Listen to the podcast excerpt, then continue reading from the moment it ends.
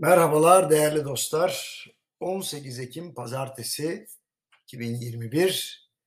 Bugün e, diyeceğim ki futboldan ekonomiye yaklaşım tarzımızı bir ele alalım. Şimdi geçen hafta hatırlarsanız Amerika Birleşik Devletleri'nin açıklanan yüksek enflasyon ve Fed üyelerinin artık parasal genişleme bitebilir açıklamaları ardından da gece geç saatlerde Merkez Bankası'ndaki görev değişiklikleri döviz kurunda yükselişe ivme veren etkenlerdi. Ee, şöyle ki Fed Kasım ayında tapering'e başlayacak. Herhalde çünkü bu aşağı yukarı kesinleşti.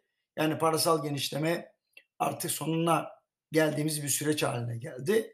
O zaman gelişmekte olan ülkelerden para çıkışı hızlanabilir. Merkez Bankası'nın da Ekim ayında bir faiz indirimi daha yapacağı konusunda bir konsensus da oluştu. Halbuki geçen hafta Merkez Bankası'nın bu ay pas geçeceğini düşünenler fazla sayıdaydı. Ancak az sayıda kişi artık bu inancı taşıyor diyebilirim. Temasta olduğum iş dünyası temsilcileri geçen ayki para politikası kurulu toplantısı öncesinde e, ters bir karar ile 9 liraya geçerse dolar oturum mali tabloları ve öngörüleri baştan ele almamız e, gerekir demiştim. Haliyle temaslarımız bugünlerde biraz arttı. Ancak son 10 yıldır her mecrada paylaştığım bir gerçeği atlıyoruz. Onu da size arz edeyim.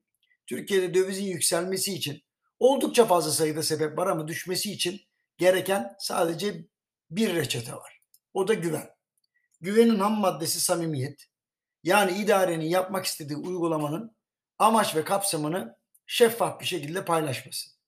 Bunun yanında ekonomi yönetiminde görev alanların düşüncelerini serbest bir şekilde paylaşabilmeleri gerekiyor ki kritik kararların altyapısı sağlam olsun.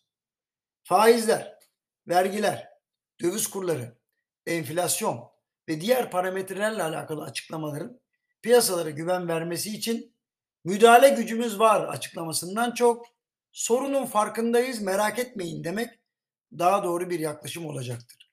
Merkez Bankası'nın enflasyonun sorumluluğunu alması açıkçası bir yetki satması bir yetki aşımı durumudur. Çünkü gıda enflasyonundan üretim maliyetlerine kadar Merkez Bankası'nın herhangi bir dahli ya da müdahalesi söz konusu değildir. Daha net bir ifadeyle Merkez Bankası'nın enflasyonla mücadele etme gücü para politikası ve faizli sınırlıdır.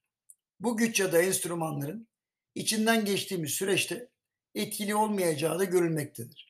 Ha buradan hareketle madem faizi yükseltmek enflasyon üzerinde etkili olmayacak. O zaman düşürelim demek de fayda getirmiyor. Mütakip seferlerde ifade ettiğim gibi vergi ve dış ticaret rejiminde rasyonel adımlar atarak enflasyonu hemen düşürmek mümkün.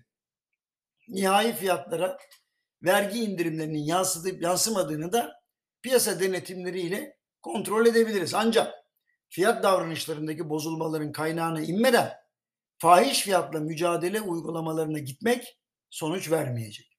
Enflasyonla mücadele öncelikle vergi politikaları ile yapılmalıdır diye düşünüyorum. Sebeplerle değil sonuçlarla uğraşma gayreti dışarıdan izleyenler için pek fazla güven vermiyor açıkçası. Türk insanının sonuçlardan sebeplere doğru inme alışkanlığı aslında hanelerden iş yerlerine kadar yaşanan bir durum. Mesela başarısızlıkta kulüp başkanları yönetim anlayışlarında değil kabahati hep insan kaynağında arar. Halbuki yönetim anlayışlarının seçtiği insan kaynağıdır bu kişiler. Dolayısıyla sürekli görevliler değişir, personel değişir. Bazen kabahat altyapı tesisler veya makine ve teçhizata da yüklenir. Yüksek maliyetlerle bunlar yenilenir ve elbette aynı sonuç alınır. Kısa vadeli iyileşmelerin ardından orta ve uzun vadeli başarısızlıklar gelir. Sadece futboldan basit bir örnekle arzu edilen sonuçların neden alınamadığını görmek mümkün diye düşünüyorum. Dolayısıyla piyasalardaki hareketler benim için sürpriz değil açıkçası. Efendim hepinize iyi haftalar.